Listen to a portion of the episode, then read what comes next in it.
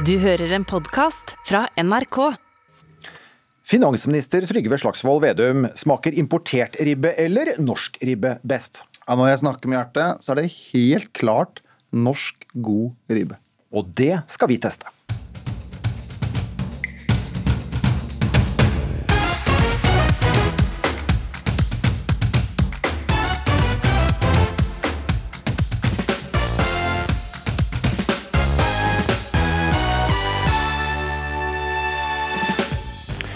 Denne uken ble det satt rekord i innlagte med korona på sykehus her i landet. Og i forrige uke var over halvparten av de innlagte ikke vaksinerte.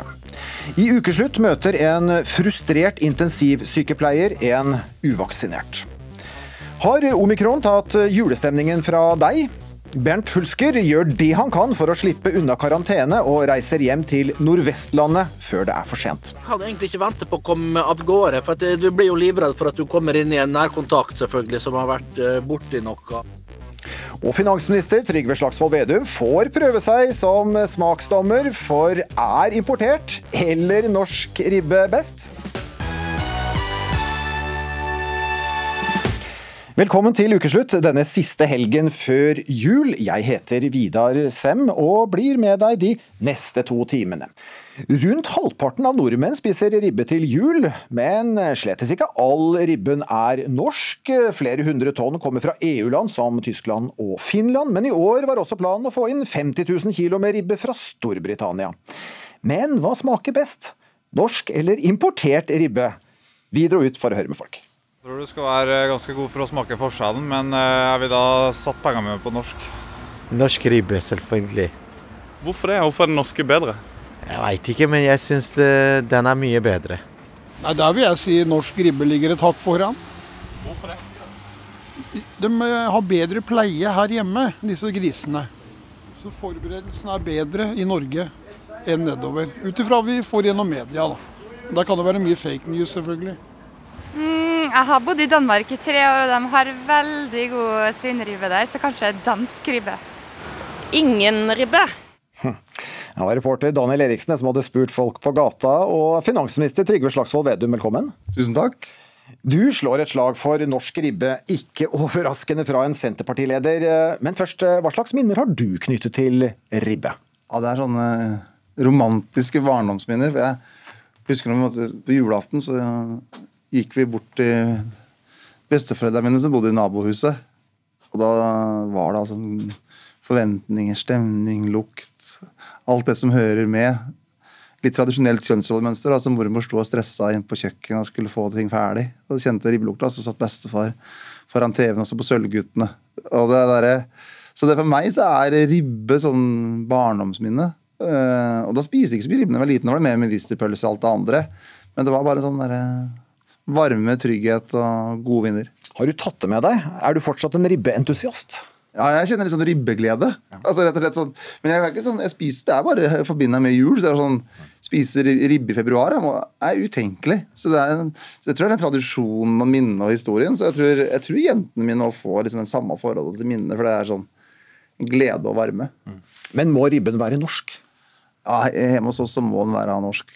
Også, hvis vi skal si en sånn kjedelig ting, da sånn faktagreie. Så for eksempel, tysk ribbe har jo, men I tysk eh, matproduksjon så bruker den ca. 20 ganger så mye antibiotika som i norsk.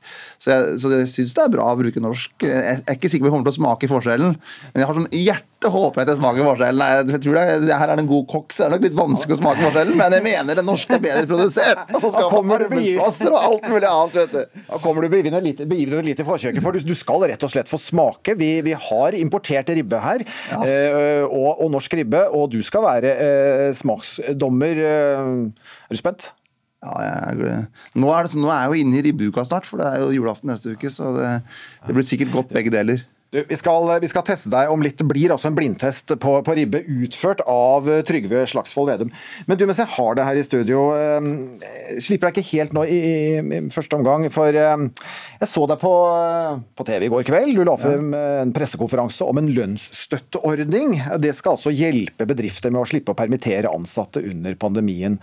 Eh, men jeg ser at eh, det kommer kritikk både fra store hotellkjeder og, og NHO, eh, blant andre, eh, på at denne ordningen ikke er for eh, fleksibel nok. Eh, frykter du at vi likevel får mange permitteringer til tross for denne ordningen du har kommet med? Ja, Det sa jeg i går òg, at jeg tror vi kommer til å få en del permitteringer. Og det som jeg gjør, Permitteringer er en del av det norske liksom, sikkerhetsnettet vi har. At man ikke sier opp, men at man blir permittert. Så den er litt for lite fleksibel? Nei, men det som er, uh, har vi lagd en ny en ordning til. Mm. Og forhåpentligvis så er det en del restauranter, kafeer og andre som da driver med litt redusert aktivitet nå, og noen driver med veldig redusert. Så at det er en del som ser at de kan bruke den ordninga så at en kan holde folk på arbeid. Men jeg skjønner jo at dette her er vanskelig uh, og veldig krevende for de bedriftene som står i det. Og Derfor så ønsker vi å lage én ordning ekstra som man ikke har hatt før. For Dette er jo første gangen vi har en, den type lønnstilskudd uh, som man kan bruke uten at man har permittert sine ansatte. Det, så vi håper at det hjelper en del, og så at ting blir litt mindre vanskelig. Vi får si til lags at alle kan ingen gjøre. Ja, men sånn er det, og det er ingen som hadde ønsket at vi var her. Så vi får håpe det er siste jul. Jeg håper det ikke blir en juletradisjon med korona. Du, Takk i denne omgang, finansminister Trygve Slagsvold Vedum. Du er altså tilbake her om litt, og da er det snakk om ribbe. Koronapandemien har også preget denne uken, bl.a. med innlagte pasienter og uvaksinerte. La oss høre.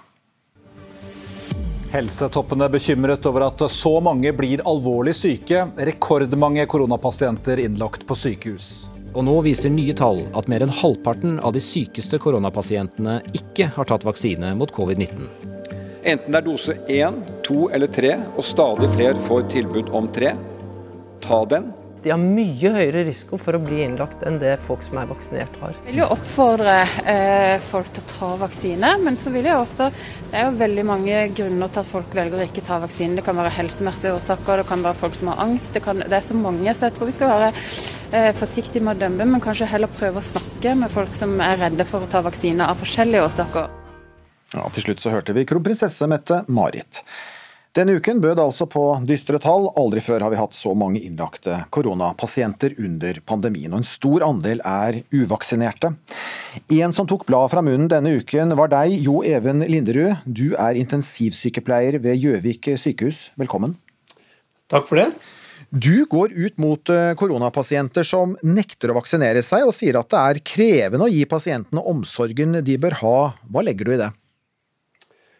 Ja, Det var nettopp det siste ordet du sa, omsorg. Eh, det må under ingen omstendighet være noe tvil om at eh, jeg som intensivsykepleier yter den helsehjelpen som skal.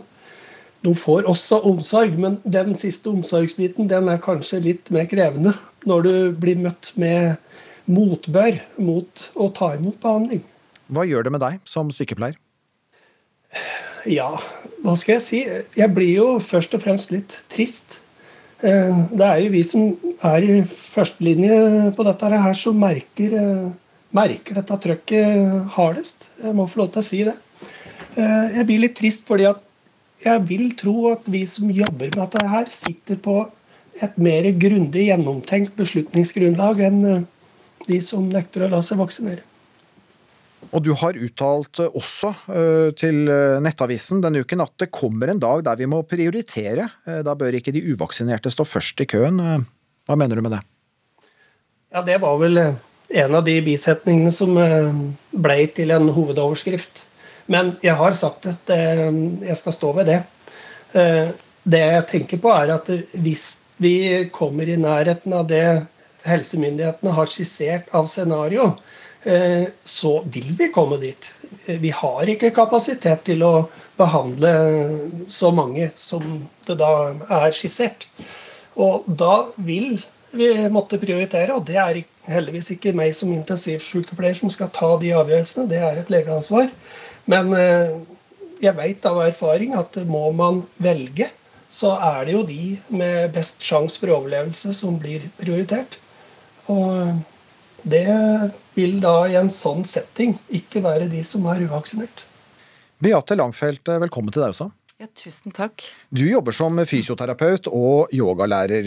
Denne uken så kunne vi lese din kronikk 'Ansvarlig og uvaksinert' på NRK Ytring, og du er blant de 8% i Norge som ikke er vaksinert. Hvorfor har ikke du tatt vaksinen? Eh, først og fremst fordi jeg ønsker meg mer uh, informasjon. Jeg opplever at uh, at myndighetene prøver å overbevise meg istedenfor å informere meg.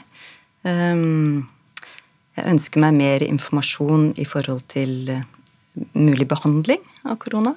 Mer debatt om det. Eh, jeg syns det har vært veldig lite om eh, bivirkninger. Det er veldig mange spørsmål som eh, har fått lite oppmerksomhet, og det er veldig mange usikkerhetsmomenter. Hva tenker du når du hører frustrasjonen her da, til, til han som står midt oppi det, altså intensivsykepleier Jon Even Linderud? Ja, Det skjønner jeg veldig godt. Det, jeg føler med alle de som står i, midt i ilden, med, med doble vakter osv. Og, og så hadde det ikke trengt å være sånn. Altså jeg, skulle, jeg ønsker, jeg skjønner, Og jeg skjønner for så vidt også at det, at det lett retter seg da mot oss som har tatt det valget. Og, eh, og så skulle jeg ønske at det ble rettet mot myndighetene istedenfor. De har hatt to år på seg til å øke kapasiteten, og, og mange, flere tiår før det igjen. Å øke intensivkapasiteten er jo, og utdanne flere sykepleiere er jo ingen quick fix. Et nålstikk er jo det. Ja, det Hvorfor ikke? ja. Når det gjelder intensiv, altså øke intensivkapasiteten, så skjønner jeg at det ikke er gjort over natta. Men et nålstikk er gjort over natten, og ikke det engang. Ja, det, det er et veldig godt argument. Det kan jeg ja. Opplever du at du som uvaksinert eh, tilhører en slags pariakaste her i landet? Uh, ja, det er jo Det er litt den følelsen uh, jeg får når jeg leser medier, og også noen av reaksjonene jeg har møtt. Og også jeg har fått masse tilbakemeldinger etter eh, kronikken, selvfølgelig. Først og fremst eh, støtteerklæringer og takkeerklæringer. Både fra vaksinerte og uvaksinerte. Og det har vært både varmende og støttende og hjerteskjærende. Folk føler seg enormt pressa og er redde. Eh, ja. Mm. Og Jo Even Linderud, ja, er du ikke med på å polarisere debatten eh, med dine uttalelser, og, og, og, bidra til dette at de uvaksinerte blir en slags pariakaste? Vet du hva, det er Hvis så er tilfellet, så er jeg lei meg for det. For jeg ønsker ikke polarisering. Det, det er ikke det som er eh, tanken min med dette her. Det er eh, mer et sukk og rop om hjelp. Fordi jeg ser bildet av at dette her kanskje rakner, rett og slett. Og så vi som da sitter på den siden jeg gjør, vi mener jo at vi har en god løsning. da.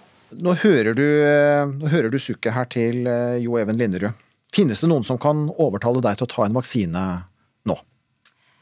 Per i dag gjør det ikke det. Altså hadde det vært mye større dødelighet eh, og, og, en ferdig utprøvd vaksine og masse altså, en mer mer informasjon, mer åpen debatt, så ville jeg absolutt vurdere det. Ja.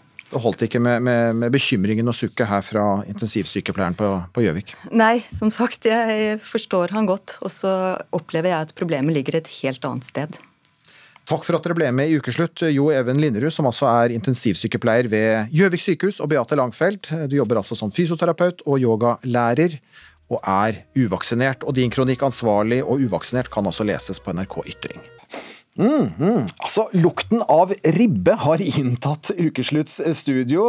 I hvert fall så ligger det to tilsynelatende deilige ribbestykker og venter på å bli testet av selveste finansministeren og Trygve Slagsvold Vedum. Ja, lukten? Du kjenner den? Ja, det lukter herlig. Og ser veldig godt ut òg de gode juleminnene kommer tilbake. Ja, men, derfor, men akkurat med ribbe så må man ikke spise for mye heller. Så det må liksom være et ekstra høytid på julaften, syns jeg. Ja, du skal få prøve til gangs her, men, men først til mannen som har tilberedt det hele. Bjørn Tore Teigen, velkommen. Mange takk. Du er pølsebakermester og har vært dommer i NM i kjøttprodukter og julemat, men du har også lang erfaring med ribbelaging og har i flere år sittet på ribbetelefonen og hjulpet desperate nordmenn eh, å komme i havn. Ja.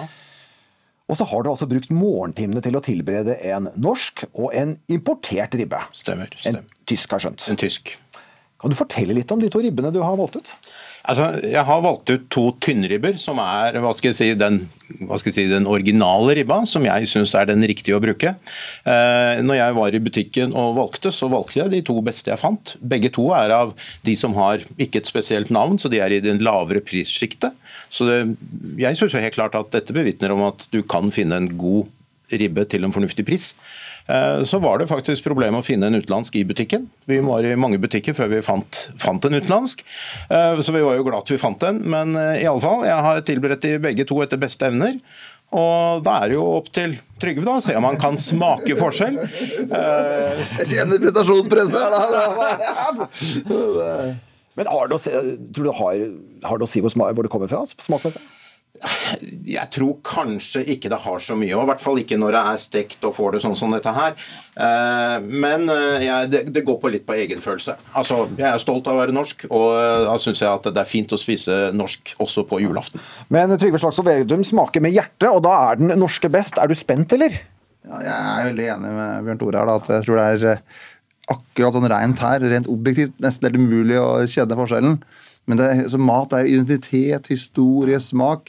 Og så er det selvfølgelig selve produksjonen bak. Men du som nå skal slå et slag for norske ribbe, er du spent på For nå har du, kan, du, du kan, kan ikke du beskrive for lytterne hva du har foran deg nå, Trygve? Ja, nå har jeg liksom smaken av jul på tallerken. Og jeg har bare høydepunktet. To flotte ribbestikker med perfekt svor, god lukt. Og jeg kjenner at det er, det er vanskelig å motstå fristelsen. Så det er det det er. Skal du du, ja, eh, ja, terningkast på svoren, ja. Eh, Sånn, bare ved å se den. Ja, da er den, da er terningkast eh, seks, for da er det, du, du, du har det her uh, fine firkantene, den, den, den er sprø. Du er litt usikker på er den så hard at den, at den blir for hard, eller er det bare knasende. Det er det som er noe av spenninga med svor. Så med sånn uh, estet, uh, estetikken, utseendet, helt strålende. Ja, for du er heldig, for det er jo en ekspert som har, har tilberedt dette her. Jo, det, jeg har gjort det etter beste evne, så det, det, dette er virkelig bra. Så jeg gleder meg til å smake selv òg. Dere, vet du hva? Jeg da tror jeg vi må, må, må, må trå til her. Eh, spenningen utløses idet Trygve tar bit av den første ribba. Ja. Nå prøver Her spises det av begge to. Både Trygve Slagsvold Vedum og Bjørn Tore Teigen tar en bit av det første ribbestykket. Ja, Hvordan smakte det? Veldig godt. Ja, kan du si noe mer? En eim antibiotika. Nei, nei, nei!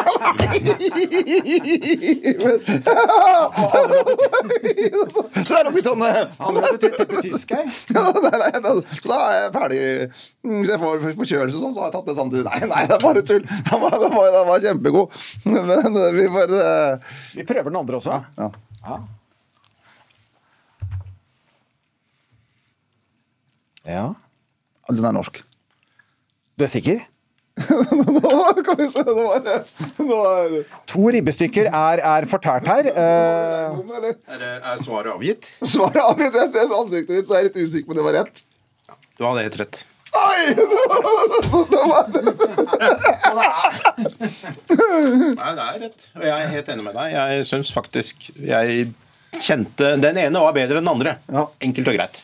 Så det er altså en smaksforskjell på tysk og norsk ribbe, eller? I hvert fall på de to vi hadde her nå, så er det det. Ja, de to var det det. Ja, Da er vi glad for at du, du tippet dette her. Hæ? Ja, jeg var veldig glad for det. Det er, alle som hører på, merker at det her er litt sånn uh, hyggelig førjulsradio. da. Men jeg syns det var morsomt at det traff rett. Ja, men Hvorfor kom du med antibiotika på, på det som var den tyske? Det var, Det var litt mer sånn det, det er selvfølgelig, det, det, kjenner jo ikke den smaken der, da. Det var at det var et lite sånn eh, la inn et lite politisk poeng. Det var egentlig det. jeg følte det var en tysk ribbe der. Ja. Du, vet du hva? Det er jo eh, fantastisk at du faktisk eh, traff eh, Trygve Slagsvold Vedum, og kan gå ut og si at norsk ribbe, ja, det smaker best. Det har jeg testet i ukeslutt. Nei, helt klart. Nei, altså, Jeg er veldig glad for det. eh, Men det som er viktig for meg, er jo at folk spiser ribbe til jul. At de får også hva skal jeg si, et godt måltid. Og uansett eh, hvor du har kjøpt den, eller hvor den kommer fra, at du samler kanskje noen gode venner, familie, og har et hyggelig måltid. Det er for meg det viktigste. Ja, og Kjenner litt ribbeglede. Ja. Absolutt. Riktig god fornøyelse, og takk for at dere kom til ukeslutt, Bjørn Tore Teigen, altså ribbeekspert, som tilberedte både en tysk og en norsk ribbe. Og til finansminister Trygve Slagsvold Vedum, eh, Senterpartileder sådan, som faktisk traff. Ja. Norsk ribbe, du hadde rett på blindtesten. God jul til dere begge to. God jul. Kos deg med, fortsatt med ribben her. Tusen takk. Litt senere i ukeslutt så skal vi, vi fra ribbe, da skal vi smaken av ribbe, så skal vi ta for oss lukten. Og det er lukten av rakfisk. Vi får besøk av en som ble tom for ord av illelukt. Du hører på Ukeslutt i NRK P1. Heng med oss videre, for vi skal sjekke polkøen når det er skjenkestopp i Norge. Og kanskje bergenserne trenger å slukke sorgen med noe etter tap og nedrykk for fotballaget Brann. Og apropos Brann. Hit til ukeslutt så kommer Roger Ruud. Hopplegenden mistet alt han eide i Brann på lille julaften. Desember er en brannfarlig måned, og vi får tips og noen påminnelser for å leve mest mulig brannsikkert. Statsminister Jonas Gahr Støre lover at folk kan reise hjem til jul og feire med sine kjære, men det gjelder kun de som klarer å unngå koronasmitte. Hva gjør dette dystre bakteppet med juleforberedelsene og julestemningen? Det ville reporter Kari Li finne ut. Nå er julestemninga sånn at jeg har akkurat vaska bil innvendig og utvendig, pakka den full med julegaver. Jeg kjører oppover til Nordvestlandet i morgen. Det er onsdag ettermiddag, og tidligere fotballspiller og programleder Bernt Hulsker er allerede klar for å dra på juleferie. Han vil sikre at datteren får feire jul med besteforeldrene. Ja, jeg kan egentlig ikke vente på å komme av gårde. For du blir jo livredd for at du kommer inn i en nærkontakt selvfølgelig, som har vært borti noe og som gjør at du sitter i karantene. Men alle bekymringer om smitte forsvinner så fort Hulsker får satt seg i bilen. Når jeg kjører oppover Gudbrandsdalen, jeg skal jo til Nordvestlandet og mitt kjære Vestnes, så er det jo snø på mange strekker der. Så er det fryktelig julestemning når jeg er oppe øverst i Gudbrandsdalen der, i Per Gyntland og alt det der. Og så kommer du ned i Romsdalen. Så er det jo vakkert med Trollveggen og alle tindene der, Romsdalseggen osv., osv. Men da er snøen som regel borte. Uh, og da, da, da, må du tviholde litt på denne julestemninga, men, men, det bruker å gå. Hulsker er kanskje ikke aleine om å tviholde på julestemningen i år. Nå er det alvor. Denne uka starta med at statsminister Jonas Gahr Støre stengte ned Norge. At han på slutten av den alvorstunge talen sa Det blir jul. Det hjalp kanskje ikke stort. Og hvordan skal en klare å komme i julestemning overhodet med omikron som bakteppe? Unnskyld? Hei. Jeg er ute fra NRK og spør folk om jul. Nei? Utenfor det julelyspynta Storosenteret i Oslo er julestresset som vanlig. Men jeg står med opptakeren ytterst på ei stang, og har i likhet med alle andre munnbind. Unnskyld? Det er vanskelig å se på øynene til folk hvilken stemning de er i. Nei, altså. Det går sin gang. Hold dere avstand og bruke munnbind og ta litt hensyn. Passe på seg sjøl og men nå står vi jo utafor et kjøpesenter, da. Hvordan eh, ser du på det å være ute og handle? For min del så var jeg bare innom en uh, bokhandel og ut igjen. Så jeg sitter ikke ned noen steder eller sånt. Nei, det er jo rart, og man må jo prøve liksom, å forholde seg til de tiltakene som er, og samtidig holde avstand. Og, men også støtte de butikkene som er, og kjøpe julegaver og liksom ha noe å kose seg med eller se fram imot, selv om det er julegaver eller bare være sammen eller hva, hva som helst. Ja, altså, jeg er ferdig og har bakt julekaker til hele familien, og jeg har kjøpt alle julegaver for det som ikke andre kjøper for meg. Så, for jeg liker jo ikke å fly i butikker. Også inne på jobb må jeg ha munnbind og stang. I dag var det noe nissefest. Jeg sendte noen barn av gårde i nissekostymer. Lucia glemte jeg i år. Dette er Live Nelvik, programleder i P3. Hvordan er det med julestemningen din? Uff a meg. Nelvik mangler julestemning, så nå lager hun podkast for å tvinge den fram. Julestemning med Live og Ronny. Men til tross for konstant julefokus på jobb, glemte trebarnsmora Lucia-dagen på mandag. Og så er jeg på vei til jobb selv, så kjører jeg forbi skolen til hun eldste datteren min. Og så ser jeg sånn Lucia-tog i skolegården, så jeg bare Å, så ko... Og så bare Nei, pokker! Er det mulig? Og så kjører jeg sånn Jeg bare ruller sånn sakte forbi mens jeg tenker sånn Kan jeg rekke det? Kan jeg snu? Kan jeg rekke å finne det kjøre... Bare, nei, det gjør jeg ikke. Må la det gå. Og så Jeg vet ikke, jeg bare, da begynte jeg å grine litt, fordi jeg, det er for mye, liksom. Og så, og så måtte jeg le litt da, for jeg følte jeg var sånn parodi på en forelder i 2021. Hallo, hallo. I podkasten ringer Nelvik lege og kardiolog Wasim Sahid for å høre om det er noe feil med hjertet hennes. Det går jo en nerve, nervus vagus som den heter, direkte fra hjernen til hjertet. Så, så det er en veldig nær forbindelse mellom hjernen og hjertet. Og Hva er gærent med min nervus vagus, eh, Wasim? jeg tror din nervus vagus er veldig frisk og fin. Jeg tror det. Eh, Jeg tror, ikke det er noe galt. ja, jeg tror bare du trenger de rette inntrykkene og de rette opplevelsene for at måte, den lykkefølelsen skal kicke inn. Så du må kanskje se etter hva det er hos deg som har pleid å utløse den julestemningen, og så må du prøve å oppsøke de opplevelsene. Jeg har alltid vært misunnelig på de som skal reise hjem til jul. Eh, føler de har en sånn for en romantisk inngang til hele julefeiringen. Live Nelvik og foreldrene hennes bor i Oslo, så Nelvik misunner folk som har lang vei hjem. Og så vet man jo at de kjører hjem med sånn at de er drittlei av familien sin, og det er glatt, og nå vil jeg bare komme meg hjem og sånn. Hvis du glemmer den, eh, den hjemreisen, så er, føler jeg at det er det å pakke bilen sånn smekkfull og sånn.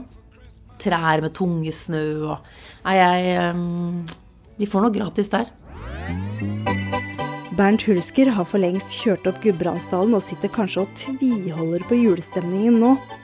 For hva skal en urbanisert nordvestlending finne på i ti dager i Vestnes?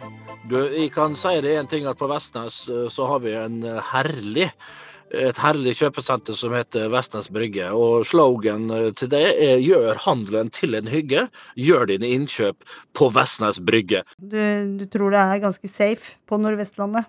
Der på Vestnes så er det, har de god kontroll, har jeg forstått. Men det blir jo munnbind, det blir jo lite aktivitet, det blir å holde seg i heimen, det blir mye pysjbukse. Og kjenner min far rett, så, så blodfyrer han selvfølgelig i ovnen. Og så blir det at eh, vi begge to sånn midt på dagen når det blir for varmt, drar av oss pysjbuksene, og så blir det boksershorts på begge to og går rundt og vandrer der, da. Det er vel bare å ønske deg god jul, da. Du, takk i like måte. Så får vi bare krysse fingrene for alle lytterne og for programleder og for undertegnede. For at vi kommer oss velberga hjem, og at vi slipper dette forbaska viruset. Vi skal nå snakke om noe eh, som er koselig i julen, men som fort kan utvikle seg til noe svært ukoselig. Eh, For jula er tiden hvor husene fylles med stearinlys, og vi fyrer godt på peisen.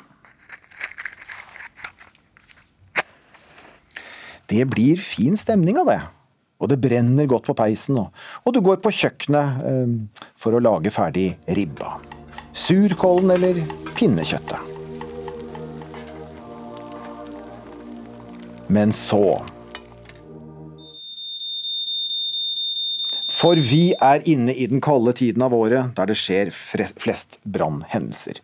Julemåneden desember er den måneden vi har mest bar ild i hjemmene våre. Og Sigurd Folgerød Dalen, kommunikasjonssjef i brann- og redningsetaten i Oslo. Er det en måned du og dine kollegaer i brannvesenet går eh, litt ekstra på tå hev? Ja, det er klart. Vi, vi vet jo at eh, statistikken og piler peker litt i gærne retninger eh, når vi beveger oss nå inn i, i, i juletida og julestria, om vi kan si det sånn. Så, da, så det er klart at vi, vi må jo bare håpe på at eh, alle som lytter og folk der ute faktisk er litt ekstra påpasselige også når det gjelder brannsikkerhet eh, i den tida vi går inn i nå. Vi skal snart få litt tips og påminnelser av deg om, om hvordan vi kan gå inn i julen på en brannsikker måte. Men først så skal vi snakke med en som opplevde marerittet i julen 2015. Og det er ikke hvem som helst. Roger Ruud, velkommen. tusen takk. Tidligere, tidligere skihopper. Eh, stor sådan. Ja. 40 år siden. ja, husker det jeg. Ja, så bra. Ta oss tilbake til lille julaften for seks år siden. Du lå og tok en ettermiddagslur på sofaen. Hva skjedde? Ja, nei, jeg får si jeg er ikke så ofte tar ettermiddagslur, men jeg gjorde det da. For da jeg akkurat jeg hadde hatt eh, sovet lite og vært med mamma på sykehus en tur og kom hjem igjen og hadde behov for å slappe av litt. Så jeg lå nå der og, og sov. Eh, og så sånn introduksjonsvis her så kom jo den alarmen jeg hørte her akkurat nå. og Den var jo Og da, plutselig så kom akkurat den alarmen. Jeg våknet av den alarmen. Eh, Jeg hadde heldigvis eh, fått installert eh, et alarmsystem, sektoralarm, som hadde hadde det på plass der. Og den lyden var intens, og den var Ja, jeg våknet av den. Og du kom deg ut? Ja, da var det jo slik at at eh, Jeg trodde det var falsk alarm, for det hender jo at dette her eh, drittet der håper jeg, slår seg på i tid og utid. og tro at det er falsk alarm. eh, Så jeg gikk jo for også å slå den av. Men skjønte jeg, så kjente jeg litt av luft. Så tenkte jeg her er det noe mer. Og så ringer telefonen. Da ringer de fra sektoralarm og sier at de har fått en, en, en varsel her. Og så sier jeg at eh, ja, nå, det tror jeg nok stemmer. Nå tror jeg de skal få tak i noe, noe hjelp her. Så eh, her tror jeg det haster litt. Og så begynte jeg å tenke litt på hva skal jeg gjøre for noe nå.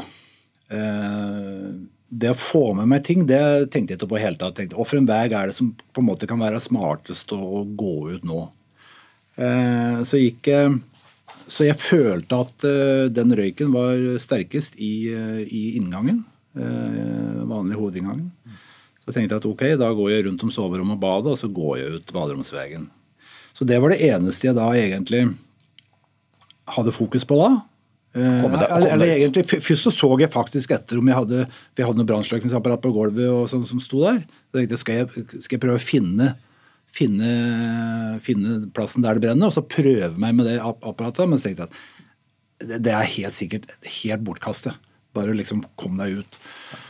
Og så, ja. Og du kom, ja, du kom deg ut. Ja, og så, og så kom jeg meg ut, og så uh, står jeg ute, og, så, og da ser jeg altså, Da lyser det godt. Da brenner det helt vanvittig.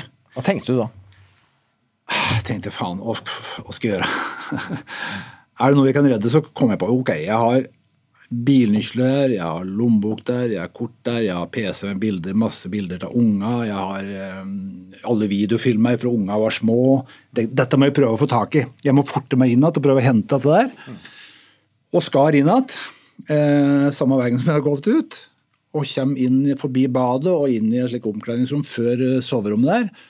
Og, jeg, og, og da er det helt svart. altså Da er det en, eh, en røyk og en luft som er helt enorm. Og som jeg tenker Roger, glem det her. Kom deg ut igjen. Hvis ikke så er du, ligger du her, da er du ferdig.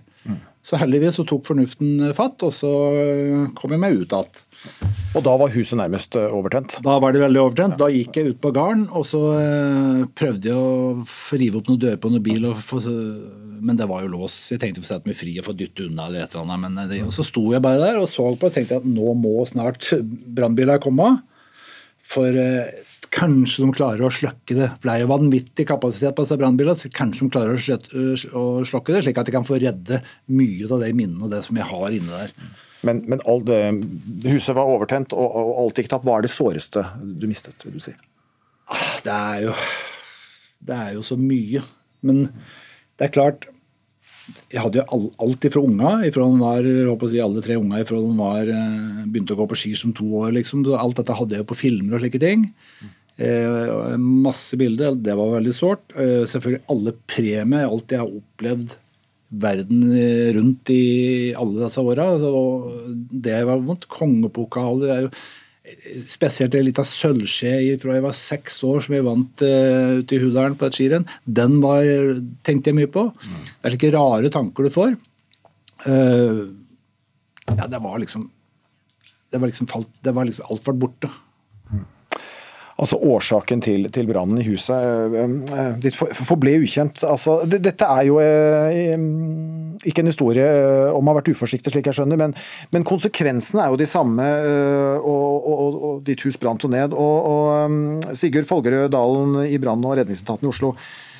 Sånn kort, Hvordan er det for en brannmann å oppleve at et hus ikke kan reddes?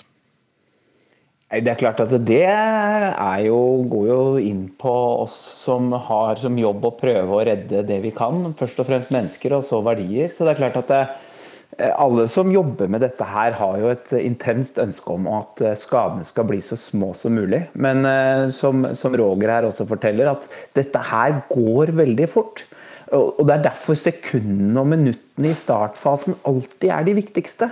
Så, så, så, det, så, det som eh, det som blir fortalt her også om at denne driten som ble, ble brukt på, på brannalarmen som går, da, det er jo denne driten som faktisk skal redde livet ditt, og kanskje også verdiene dine. Så, så det er jo derfor det er eh, veldig viktig at vi, vi, vi sikrer oss tidlig. Men, men det, er, det, er, det, er, sterke inntrykk å høre på. Det er klart Den affeksjonsverdien som ligger i alt som mistes, er jo brutal. I tillegg til alt det andre med praktisk og alt, alt rundt en brann. Så dette vil vi jo ikke ha. ikke sant? Det er ingen som vil ha dette her i sitt hjem. Og Det er det vi må sørge for at vi ikke får. Og Sigurd Folgerød Dalen, eh, fortsatt med oss, og kommunikasjonssjef i brann- og redningsetaten i Oslo. Eh, nå skal du gi oss noen tips og påminnelser for å, å leve mest mulig eh, brannsikkert. Altså Varslingssystemene snakket vi om, det er viktig. Men så vil vi alle at det ikke går så langt at det faktisk begynner å brenne. Så nå tar vi oss en runde gjennom huset for å ta en liten sikkerhetssjekk. Fra rom til rom. Og vi kan jo starte på kjøkkenet. Et rom hvor vi tilbringer mye tid i jula. Hva må vi huske på der? Nei, Det tilberedes jo veldig mange branner på komfyren, eh, heter det seg. Så det, det, å være, det, å være, til stede når du lager mat, det er kanskje det viktigste. Eh, sørge for at du ikke sovner fra eller går fra eller snakker deg bort. Så eh, være til stede, koble på en komfyrvakt, så er du sikker på at noe passer på komfyren din hvis du sjøl glemmer det, er et godt tips. Så det er liksom kjøkkenet, de to viktigste tingene kanskje på kjøkkenet. Og så beveger vi oss ut i stua hvor vi har levende lys og, og, og pynta skikkelig til jul med ja, bomullsnisser og kvast fra skogen. Eh, hvordan forebygge brann der? Ja, du var inne på det. Altså, vi pynter og bruker mye levende lys også i kranser osv. Så, videre, så det er jo viktig å ikke på en måte lage det tilrettelagte bålet som bare venter på eh, litt flammer for å ta fyr. Så det, pass på når du skal lage sånne ting. Hold lys med god avstand til brennbart. Og, det, og også vær til stede i rom med levende lys. Det er en sånn viktig tommelregel. Husk på det, ikke forlat rom med levende lys. Da er du også sikker på at du, du kan både fange opp og forhindre hvis noe skulle skje. Mm. Jeg har en sånn adventskrans hjemme. Den, eh, den syns jeg er litt skummel, med, med, med granbar og, og, levende lys. Ja, ikke sant? Da da bør du passe ekstra godt på, eller kanskje vurdere å bruke noe annet i stedet. Det kan jo være et godt, godt tips på det. Så tenke på det. Og så øh, Ja, og så øh, peisen. Peisen. Ja. ja.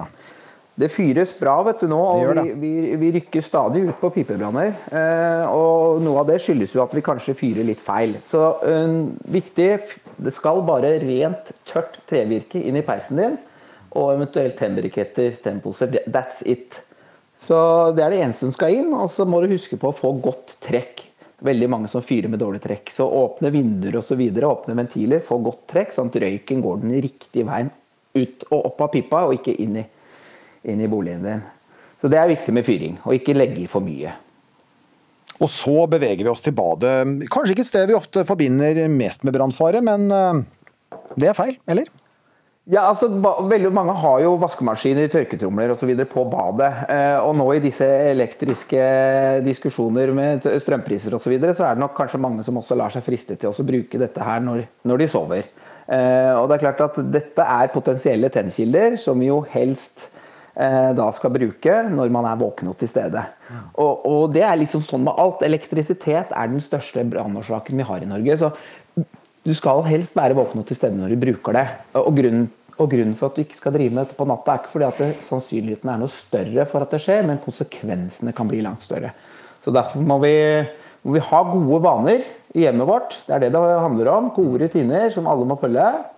Eh, og så var du inne på det, og Roger var inne på det. Og så er det dette med å sikre seg tidligst mulig varsel som er alfa og omega. Mm. Nettopp for å kunne ta, enten ta ting i en startfase. Nå kunne ikke Roger gjøre det, men hvis du får det varselet så tidlig at det er i det små, så kan du kanskje klare å slukke dette her selv. Eh, eller i hvert fall komme deg ut eh, uten at røyken tar av. Så det er alfa og omega. Skaff røykvarsler i alle rom, er liksom min sterkeste anbefaling til folket. Der kom den sterke anbefalingen og, og, råd og tips fra Sigurd Folgerød Dalen, altså kommunikasjonssjef i brann- og redningsetaten i Oslo. Eh, en god og brannsikker jul til deg. Takk i like måte. Tidligere i sendingen så snakket vi om smaken av ribbe, og nå skal vi til lukten av rakfisk. Kjemiker Alexander Sandtorv, velkommen til Ukeslutt. Takk, takk. Hva skjedde første gang du luktet på rakfisk? du, det finnes et klipp, for dette var på et annet NRK-program, eh, Abelstårn, hvor vi åpnet eh, et, et parti rakfisk live. og Det finnes et klipp av at jeg bare ler hysterisk um, og gråter litt, tror jeg. Så det som skjedde var at Vi åpnet en, en ganske god, godt modnet rakfisk på lufta. Um, og den lukten der, det er første gangen i hele mitt liv at jeg har luktet eimen av rakfisk.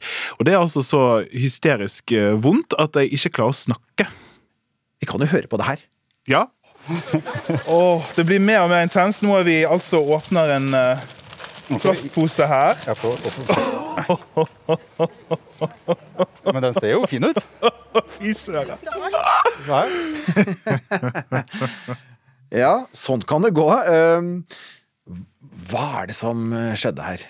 Nei, altså Det som er så spennende med rakfisk, det først og fremst er jo det en veldig gammel måte å konservere mat på.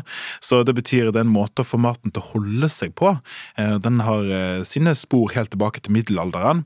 Og det som skjer, det er at man rett og slett bryter ned fisken ved hjelp av bakterier på en veldig veldig kontrollert måte. Og da begynner bakteriene altså å bryte ned fisken, eh, sånn som skjer ute i naturen hele tiden. Og så blir det da selvfølgelig lukten av død, vil jeg si, men rak rakfiskens eh, konnoissører vil si at det er lukten av god mat. da. Men det som skjer da, er altså at det dannes luktstoffer som eh, er naturlig dannet når ting brytes ned eh, og dør. Men hvorfor er det lukten av jul for noen, mens lukten av død for andre?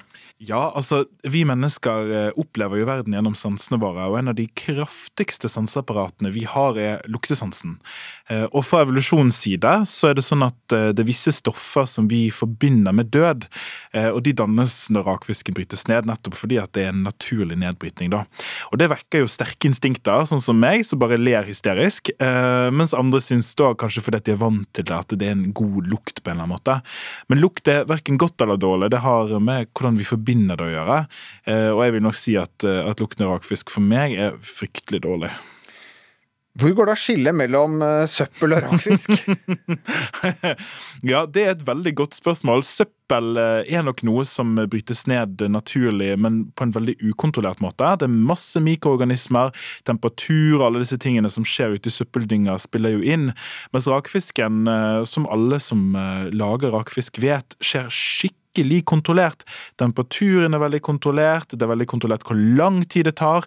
Så det er jo egentlig en, en kontrollert uh, måte å, å lage søppel på. Rakfisk kan jo være også direkte farlig. Ja, det stemmer. Eh, og det er fordi at når vi skal lage rakfisk, så må det skje under kontrollerte former. Og hvis ikke det skjer under kontrollerte former, så risikerer du at andre farlige bakterier eh, begynner å feste på fisken. Eh, og i så fall så er det noe du kan bli alvorlig syk av. Et eksempel er jo botulisme, som man kan få hvis en bestemt bakterietype har begynt å spise på fisken. Ja, jeg leste en artikkel eh, som er skrevet for noen år siden, hvor det står at det, hvert år så meldes det om folk som må behandles i respirator etter å ha spist rakfisk som inneholder dette giftstoffet. Ja, og det som er fun fact som ikke så mange vet, er at det er det samme stoffet som finnes i Botox. Eh, så det er altså helt likt stoff, men det er klart at det er helt forskjellig måten vi bruker det på da. Men det er fordi at det er lammende, rett og slett. Ja, og de vet det, de som putter Botox eh, i seg at det er gift. Ja, det håper jeg. men ikke så farlig som denne giften her. Det blir ikke rakfisk på deg, men på, på mange andre denne jula. Eh, god jul uten rakfisk. Bon appétit. Hvilken jul er eh, best? Min families jul? Din eller vår felles? Meningen er delte mellom ektefeller og kjærester, svigerforeldre og svigerbarn i år som i fjor. Reporter Daniel Eriksen har vært ute og sjekket med folket. Er jula best hjemme hos din familie eller hos svigerfamilien? For øyeblikket så er det hjemme hos min egen familie. Sammen med dattera mi og sånn. Min familie. Noen spesiell grunn til det? Eh, kalkun istedenfor ribbe, kanskje? Hjem. Der melder jeg pass på det spørsmålet. Taktiske årsaker. Eh, min familie. Fordi jeg syns det er litt enklere. Vi har fått med oss eh, to stykker her. Eh, Bent Høie, tidligere helseminister, nå fylkesmann i Rogaland, og Dag Terje Klarp Solvang, generalsekretær i Den norske turistforening. Velkommen til ukeslutt. Takk for det. Ja, dere er jo et par, gift uh, som bare det. Men Bent, din familie er fra Randaberg i Rogaland, og Dag Terje fra Finnskogen. Og Bent, helt ærlig nå, kort og konsist, hvor er det best, hos egne eller svigers?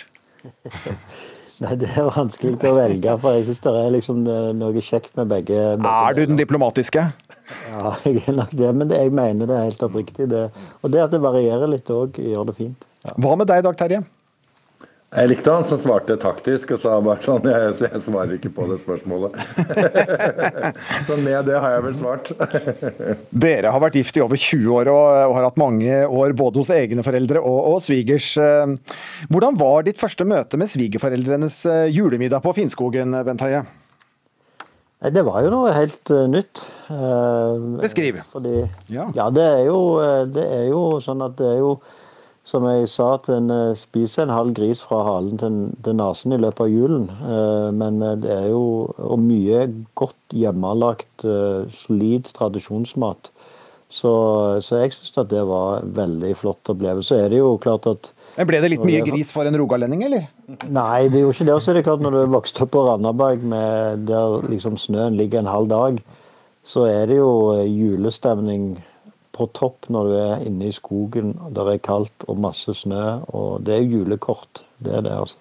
Vi får høre med Dag Terje. Du, du ro litt her. Eh, hvordan var reaksjonen eh, hos Bent Høie da, han, da det ble hel grisespising på Finnskogen? han var mett, i hvert fall. sånn ca. et halvt års tid. Så, så jeg, jeg, jeg syns han tok det med fatning. Altså, for meg er det jo Men jeg tror det er gleden og forventningen i alles øyne. Det er jo Stemningen preger jo veldig det. Jeg, har ennå ikke smakt noe julemat som jeg liksom syns uh, ikke smaker. Og det handler jo mye om stemning. altså Måltid er jo omgivelser og folka du er med, og, og liksom ja, ramma rundt. da. Det er jo en ganske stor del av den, denne måltidsopplevelsen. Så, men han, han var tapper. Han spiste godt. Men jeg hørte noe om julefajitas eh, med ribbe uten svor. Teit beskrivelse, det må være Bent som har gjort. Nei, Vi spiser hjemmelagd lefse, og så har vi jo ikke saus og ikke poteter. Men vi koker all, eh, all maten, da, og alt er jo gris. To typer pølser, en medisterpølse og en innmatpølse. Det er ribbe uten svor, som da kokes først. Og så brunes i ovnen. Og denne krafta den bruker vi jo også å lage med sånne melklumper i, som vi kaller klotsuppe. Og ja, ja. Eh, kraftkost. Kraftkost, eh, ja. Eh, litt diplomatisk Bent Høie her. Men jeg må bare høre, for altså, mat, jul er jo mye mat, men ikke bare. Og, og, og Dag Terje, hvordan har julefeiringen i Rogaland da, hos familien Høie vært? Det er pinnekjøtt, eh, og det er jeg glad for. Jeg prøvde meg på sånn eh, østlandsjul en gang. De var eh, diplomatiske og høflige og sa det smakte godt, men den klotsuppa som vi kaller den der klokka tolv, med denne krafta med melklumper i, det, det trodde de var klutsuppe. Så det ser jo litt ut som oppvaskvann, så jeg kan jo forstå det. Men, men det er veldig godt, altså. Dette var maten, men, men, men, kort. Eh, julestemningen og andre tradisjoner, var det noe forskjell fra å være hos eh, familien Høie og din familie? Jeg tror eh, altså Selve forberedelsen og sånn er jo ganske like. Lukta er annerledes. Pinnekjøtt lukter jo. Hvor er de mest høyrøstet? Ja, familien Høie. jeg skulle ikke tro når jeg hører dere. Hva si noe nå, Bent. Nå må du leve opp. Ja, ja, nei, det er nok eh, det, ja, Dag Terje passer godt inn i vår familie. Han gjør det med, med, praten rundt bordet der det er litt konkurranse om å få snakke. Ja.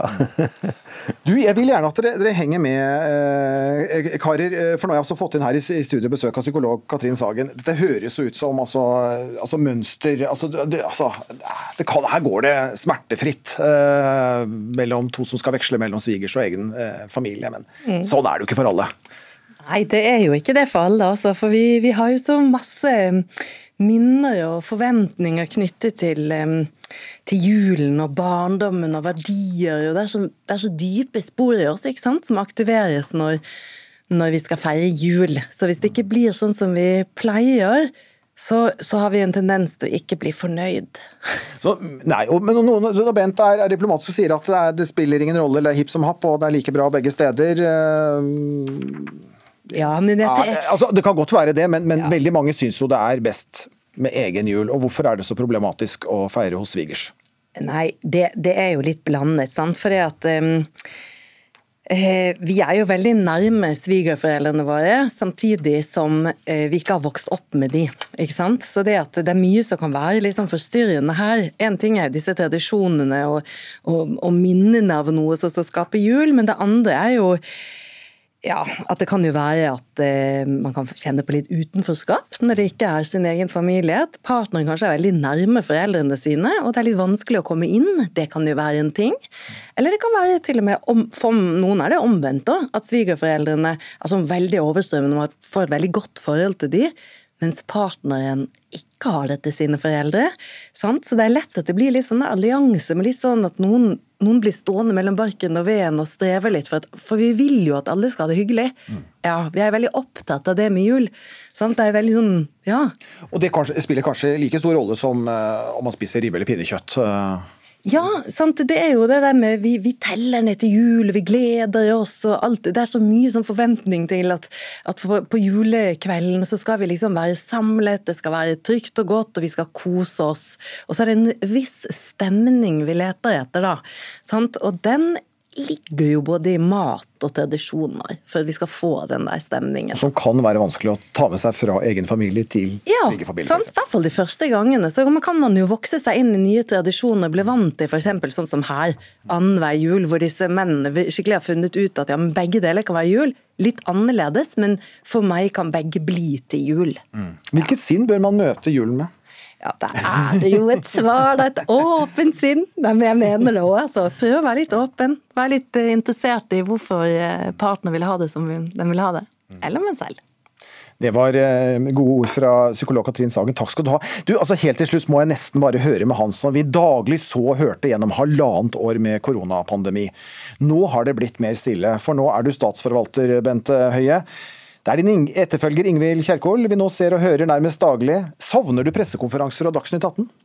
Nei, det gjør jeg ikke. Det kan jeg si med hånden Den var klar, det var tydelig. Ja.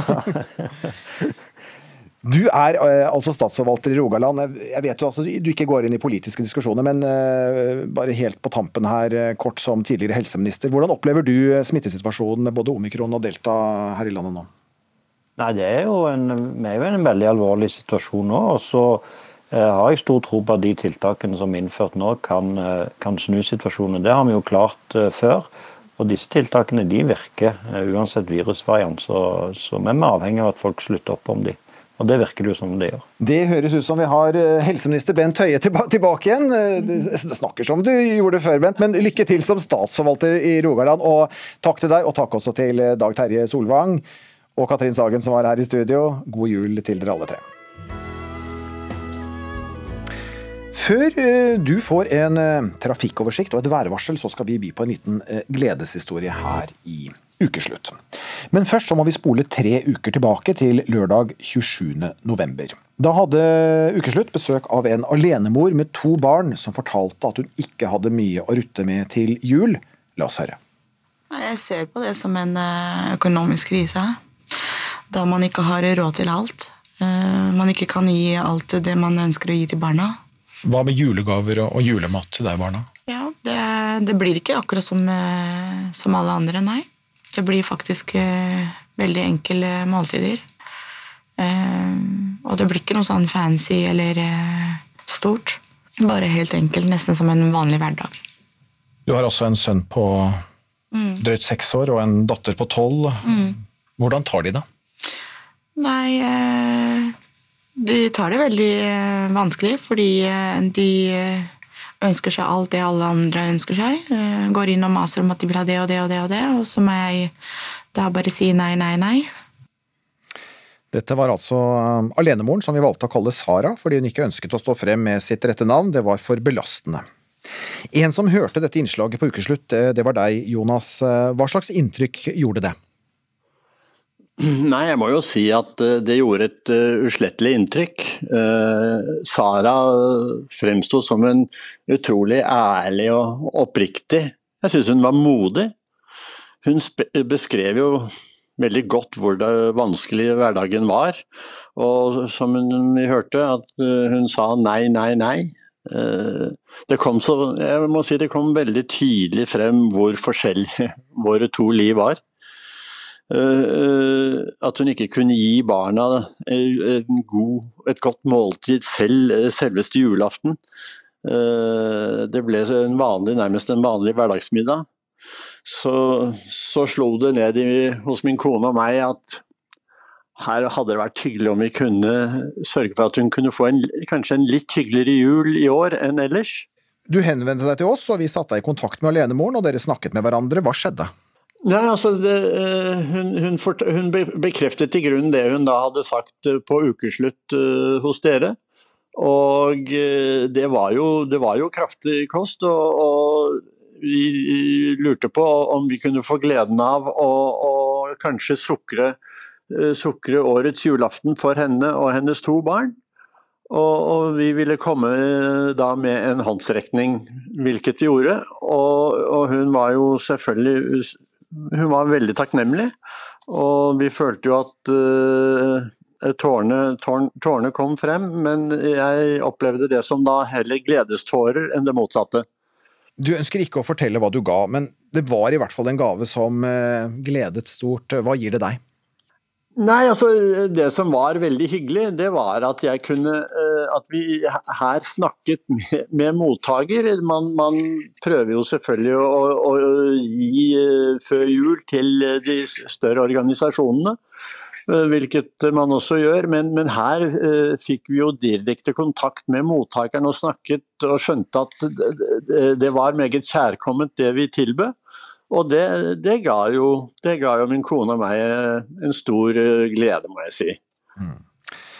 Du er en økonomisk velholden mann, og ønsker derfor heller ikke å stå frem med ditt etternavn. Eh, altså alenemoren på den ene siden av den økonomiske skalaen, du er på den andre. Hvilke tanker gjør du deg om det?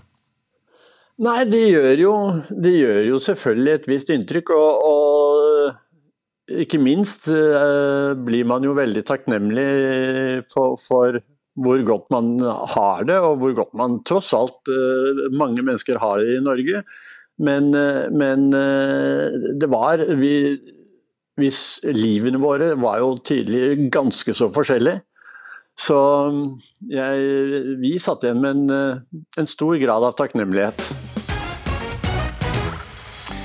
For i dag ansvarlig for sendingen Kristine Alstad, teknisk ansvarlig Hanne Lunås og her i studio Vidar Sem. Det har vært mye jul i denne sendingen, men så er det også årets siste sending. Og neste lørdag er det første juledag og ingen ukeslutt. Og første nyttårsdag så blir det en ukesluttkavalkade fra 2021. Etter oss kommer pils. Ha en fortsatt god helg og god jul.